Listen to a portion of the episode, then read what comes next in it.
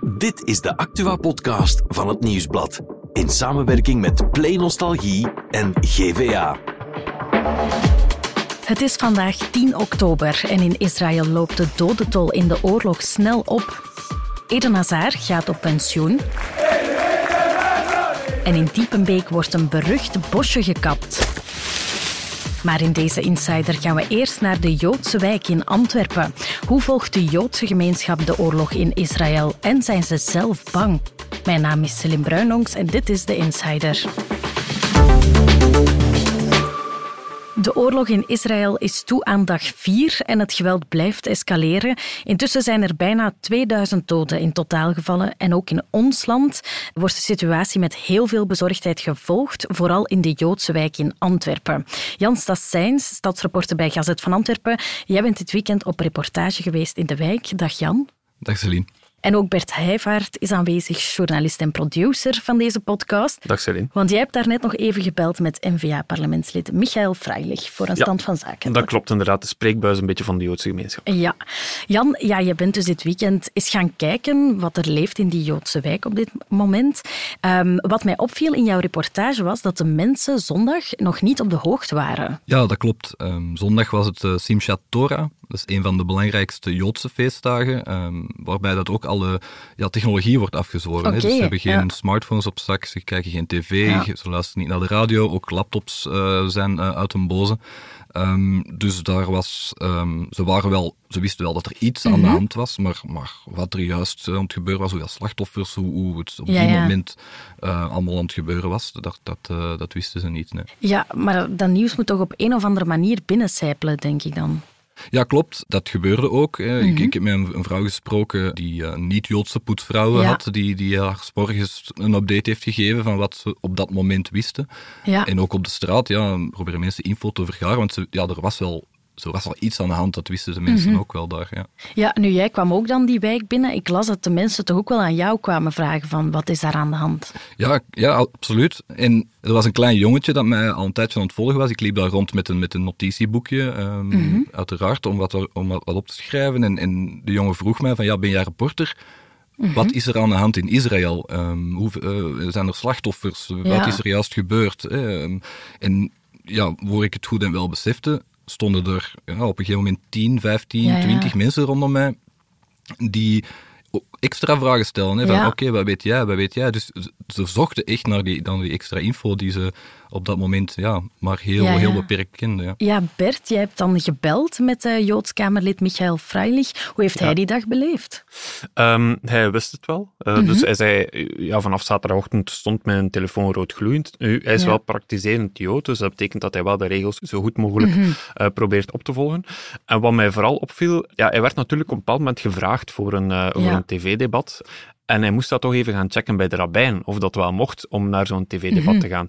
Maar ze hebben daar blijkbaar binnen de Joodse gemeenschap dan wel bepaalde regels rond. Ik probeer zo goed mogelijk natuurlijk alle Joodse regels op te volgen. Is het zo dat ik een gesprek had met de opperrabijn. En ik zei hem van kijk, um, men vraagt mij om deel te nemen aan een televisiedebat. Wat ik natuurlijk niet uh, geneigd zou zijn om te doen op een Joodse feestdag. Um, maar gezien het belang voor de gemeenschap en voor de veiligheid, um, vroeg ik hem wat hij ervan dacht. En hij zei van Michael, niet alleen mag je het doen, je moet het gaan doen. Want we hebben het hier over in het Hebreeuws, noemt dat pikuach nefesh, met name het leven dat voor al de rest komt. En als wij hier in een mogelijke situatie van gevaar zijn, en als jij daarvoor kan zorgen dat men dat serieus neemt, dan moet je dat ook doen.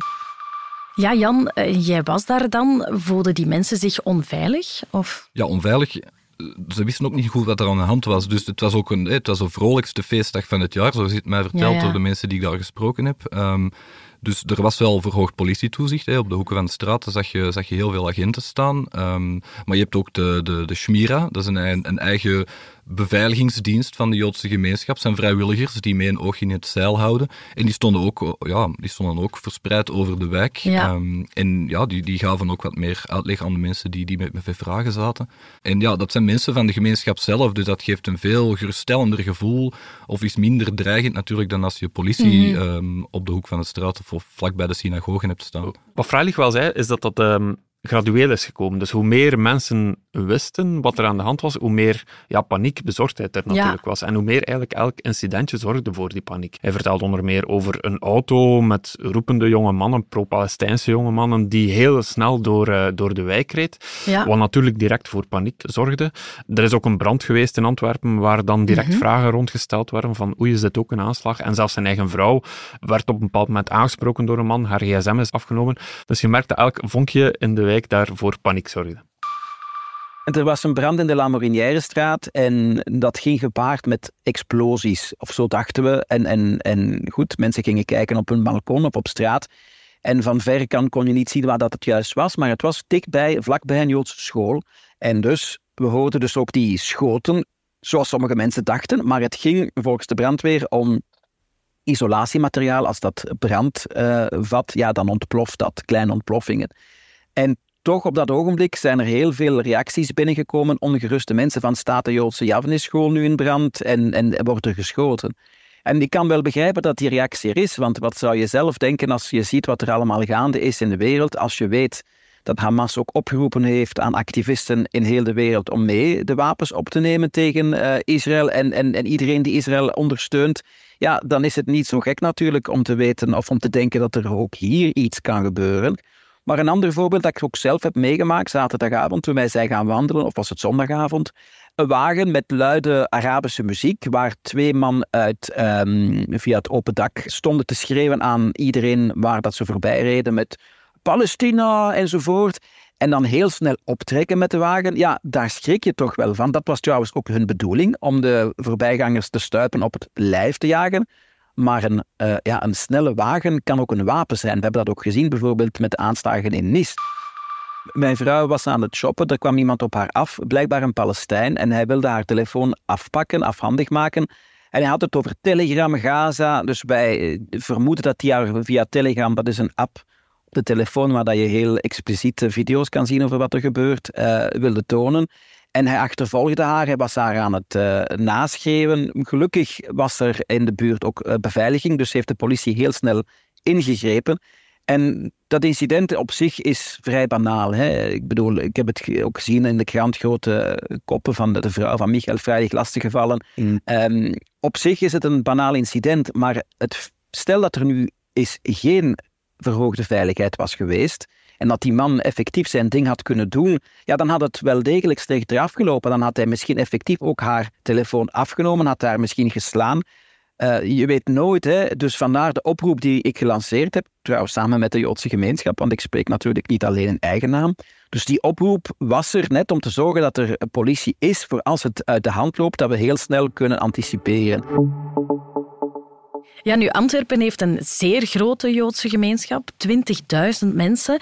Jan, jij als stadsreporter, hoe leeft dat dan in de stad? Ja, dan is het um, niet abnormaal natuurlijk dat er veel uh, mee, allez, meegeleefd wordt met, met wat er zich in Israël uh, afspeelt. Ja. Um, Natuurlijk, je hebt ook uh, vandaag uh, wordt aan het steen de Israëlische vlag uh, gehesen. Mm Er wordt ook een minuut stilte gehouden. Dat is een initiatief van het stadsbestuur. Maar je hebt uh, morgenavond, woensdagavond, ook mhm. nog een uh, protestactie, of een solidariteitsactie eigenlijk, voor Palestina op het Operaplein. Ja. Ja, het zijn, het zijn eigenlijk um, twee gescheiden werelden, maar ze zijn wel verbonden. Hè. Heel veel Joden hier in Antwerpen zijn niet per definitie Israëli's, maar ze hebben wel een, een emotionele en spirituele band met het land. Het is aan zich ook, dat is misschien belangrijk om te benadrukken, het is een, een Israëlisch-Palestijns conflict en niet of geen uh, Joods-Palestijns conflict. Dus, maar ja, sowieso, inderdaad, die band is er wel. Hè. Ehm, ja, dus dat betekent dan dat niet alle Joden per se voor Israël zijn? Nee, absoluut niet. Um, je hebt bijvoorbeeld binnen de, de orthodoxe gemeenschap die hier in Antwerpen heeft wel vertegenwoordigd is, heb je ook bijvoorbeeld de, de Satmar-gemeenschap. Dat is een, een, een, subgroep, als ik het dan zo mag noemen. En zij zijn eerder ja, zij zijn anti-Zionistisch. Dus uh, zij um, ja, streven wel naar een staat Israël, maar enkel naar een staat Israël die door God hen gegeven is. En, en, in mhm. hun ogen kan er geen vrede zijn in Israël zolang dat niet gebeurd is. En de staat Israël vandaag is door mensen gemaakt, om het dan zo te zeggen, uh, en niet door God gegeven. Dus daar, daar, daar zit je nog met die, met die spanning ook binnen de, binnen de Joodse gemeenschap zelf. Ja, het was ook iets wat Freilich eigenlijk benaderde in ons eh, gesprek van vanochtend. Uh, hij zei, ja, voor alle duidelijkheid, wij zijn de Joodse gemeenschap in België, wij zijn Belgen, mm wij zijn niet Israëli's. En dat vond ik toch wel opvallend in een gesprek met iemand die natuurlijk heel nauw verbonden is met het conflict. Men maakt soms de fout of de amalgaam tussen een Jood en een Israëli. En dat is dus niet zo. Ik probeer het altijd te herhalen. De Belgische Joden hebben de Belgische nationaliteit. Wij zijn Vlamingen, wij zijn geen Israëli's, wij zijn hier geboren, hier getogen. Dus de link die sommigen trekken van wat Israël doet, ehm, daar zijn de Joden hier mee uh, verantwoordelijk voor, is natuurlijk ook uh, onjuist. Dus ik moet dat ook blijven herhalen. Je hebt Belgen die moslims zijn, je hebt Belgen die uh, christenen zijn en hebt Belgen die Joden zijn. Net zoals de, de, de meeste Vlamingen die katholiek zijn grootgebracht ook niet verantwoordelijk zijn voor wat er bijvoorbeeld in de katholieke kerk gebeurt, is het ook mhm. zo dat de, de Joodse bevolking hier niet per se geassocieerd moet worden wat met Israël gebeurt. Ook al is er, en dat is begrijpelijk, een, een warme emotionele band van steun, maar dat is een steun voor het land, niet per se voor een regime of voor wat een regime al dan niet zou doen. Jan, hoe kijkt die gemeenschap nu naar het conflict zelf, zoveel kilometers verder? Hebben ze schrik voor een escalatie? Ja, wat mij vooral opviel, is, is de grote bezorgdheid um, die er op het moment was mhm. toen, eh, toen ik daar in de wijk rondliep. Ik heb daar weinig ja, agressie um, gehoord ten opzichte van de Palestijnen. Uh, het was echt vooral vanuit, vanuit die bezorgdheid van wat is er gaande, mm um, dat ze mij die vragen stelden. Dus, dus of ze schrik hebben voor een escalatie, ja, je merkt dat er natuurlijk, die, um, dat zei dat Bert er net ook al, die kleine zaakjes die misschien, die auto die rondrijdt, dat zorgt voor, mhm. voor wel paniek. Ja. Um, maar ja, het was vooral die, die bezorgdheid toch die, die overheerst. Ja, maar Freilich is wel bezorgd hoor. Uh, hij zegt ja, um, we weten dat Israël nu heel hard gaat reageren. Dat, dat is ook al duidelijk. Ze hebben gezegd, we gaan Gaza gewoon volledig isoleren en zwaar beginnen bombarderen. Ja, en Vrijdag zegt, we weten wat dan gaat volgen. Hè. Dan gaan er uiteraard ook reacties komen in andere Europese steden en misschien ook wel in Antwerpen. Dus ja, hij is wel bezorgd over de reactie van Hamas en van de medestanders daarvan. Niet alleen de Israëlische burgerbevolking is slachtoffer van Hamas, maar vooral de Palestijnse bevolking zelf. Want Hamas geeft hen geen enkel toekomstperspectief. Hamas vergiftigt hun toekomst, ook hun uh, de tv-zenders doen niets anders dan haat spuwen tegenover Joden. Zij spreken trouwens ook in hun communicatie nooit over Israëli's. Zij hebben het altijd over El Yehud, de Jood. Dus zij voeden de Joden haat, ook in de scholen van de Palestijnen. Dus daar krijg je generaties die opgroeien met niets anders dan, dan haat. En dan is er vandaag geen keuze om te zeggen tot hier en niet verder. We moeten of zo blijkt het, de volledige Gazastrook. Israël zegt we moeten dat herinnemen, Hamas verdrijven en vanaf nul opnieuw aan beginnen. Vrees dat men hier, daar, dat, dat gaat hier voor incidenten zorgen, en mensen gaan die beelden zien, gaan in opstand komen en gaan dan automatisch zeggen van ja, de Joodse gemeenschap hier steunt Israël en dus zijn zij een legitiem doelwit. En dat is natuurlijk volledig fout en moeten we zien te voorkomen. Nu, wat me ook opvalt, is um, ze spreken wel een beetje over het 9-11 van Israël en van de Joodse gemeenschap op zich. Hè. Uh, zei het ook, van ja, eigenlijk is het heel vergelijkbaar met wat er in Amerika mhm. is gebeurd. We dachten niet dat dit ooit ging gebeuren en dit is ook zo'n dag waarop dat iedereen van de Joodse gemeenschap wist waar hij was op het moment dat het gebeurde. En die dan niemand nog zal vergeten. 9-11 is zo'n moment waarbij dat iedereen weet wat dat die was. Ik kan u vertellen dat voor wat de Joodse gemeenschap betreft en iedereen die dicht bij Israël staat, um, en alle Israëli's natuurlijk deze dag nooit zal vergeten worden. Ik denk dat het nationaal trauma dat Israël hier heeft opgelopen, is zo groot dat je effectief kunt spreken van een 9-11 moment. Meer dan duizend mensen werden vermoord. En je ziet dat uh, dat, dat overal in, in heel de Joodse wereld zo diep erin haakt. Er is geen dag sinds de Tweede Wereldoorlog voorbij is dat er zoveel Joodse mensen zijn vermoord louter omdat ze Joods zijn. En dus uh, is er effectief een moment van voor deze Hamas-terreurdaad en na deze terreurdaad. Ja, Jan, jij woont daar in de buurt, jij passeert daar ook. Zie je daar de laatste dagen dan niet veranderen? Ja, ik, ik denk wel dat we... Hey, je ziet nu al meer politie, hè, je mhm. ziet al de, de waakzaamheid die, die verhoogd is. Um, je hebt ook het veiligheidsmeldpunt van, van de Joodse gemeenschap die, die overuren draait van bezorgde, bezorgde de mensen. De, de, die, ja, de Schmira is dan de toezichtdienst die dan ter plaatse gaat, uh, vermoed ik. Maar ja, er is ook terug de, de vraag om terug militairen te plaatsen. Ehm, dat, is, uh, dat is heel lang zo geweest, hè. militaire beveiliging, en onder meer na de aanslagen van, van, uh, in, in Zaventem. Ja. Dus ja, er staat van alles te gebeuren, denk ik. Ik denk dat we dat zeker moeten blijven opvolgen. Ja, jij gaat dat voor ons blijven in doog houden. Dankjewel, Jan. Graag gedaan. En dankjewel, Bert. Graag gedaan, Celine. En er is uiteraard nog meer nieuws en dat gaat ook Bert komen uitleggen vandaag. Mhm. En we gaan eerst terug naar Israël, want daar zijn ook steeds meer gruwelijke verhalen die naar boven komen. Hè? Ja, ja, het is zo dat eigenlijk um, de voorbije vier dagen was er vooral nog altijd heel veel chaos rond de Gazastrook, waar dan uh, die invallen zijn gebeurd. En men ontdekt steeds meer dorpen uh, waar mm -hmm. altijd lijken liggen, ja, waar, waar nog maar eens duidelijk wordt hoe groot de schade is ja. uh, voor de Israëlische bevolking. Er is onder meer het verhaal van Itai en Hadar Berdichevsky. Mm -hmm. uh, dat, zijn, dat is eigenlijk een jong koppel die een tweeling had van tien maanden oud. Mm -hmm. Het koppel is gesneuveld. Ze zijn gewoon koudweg ja. vermoord door Hamas-militanten. Uh, maar ze hebben wel nog net op tijd hun kindjes uh, kunnen verstoppen in het huis. Ja. En twaalf uur later zijn die gered door het Israëlische leger en aan de grootmoeder gegeven. Dus ja, dat zijn allemaal echt verschrikkelijke ja, verhalen. Dat je ziet hoe groot die schade is voor uh, de burgers daar. Dan hebben we ook nog sportnieuws. Eden Hazard die gaat op pensioen. Ja, op zijn 32e. Dat is eigenlijk Dat is wel vroeg, ja. Dat is vroeg, ja. Ik zou het ook wel willen. Um, maar wat, uh, Eden Hazard heeft natuurlijk genoeg centjes verdiend mm -hmm. in zijn leven en heeft eigenlijk ook het gevoel van, ja, mijn carrière zit erop. Het ja. zat er een beetje aan te komen. Hè. Celine, ja? Uh, ja, ja, hij stopte eigenlijk bij Real Madrid. Hij vond niet -hmm. direct een nieuw team, of toch niet direct een topteam, dat hem ook nog kon betalen. En Hazard was al een paar maanden niet meer aan het voetballen. Dus dan is de vraag, ja. hoe kan je jezelf nog motiveren? Uh, ja, hij had het al wat laten hangen. Nee.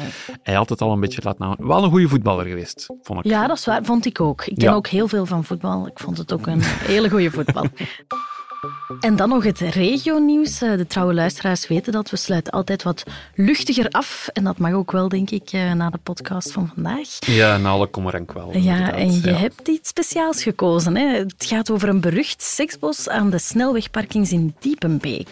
Ik had er nog nooit over gehoord, Celine, mm -hmm. maar blijkbaar zijn daar bosjes nee, zeg ze allemaal. die druk bezocht worden als ontmoetingsplaats om mm -hmm. uh, de liefde te bedrijven.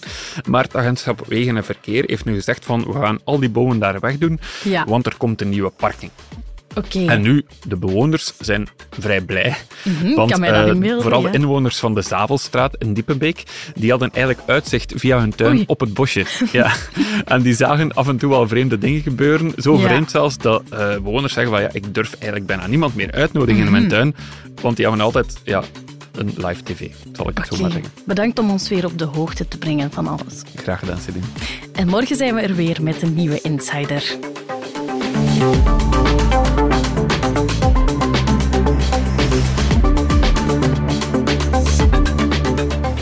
Was The Insider, een podcast van het Nieuwsblad in samenwerking met Play Nostalgie en GVA.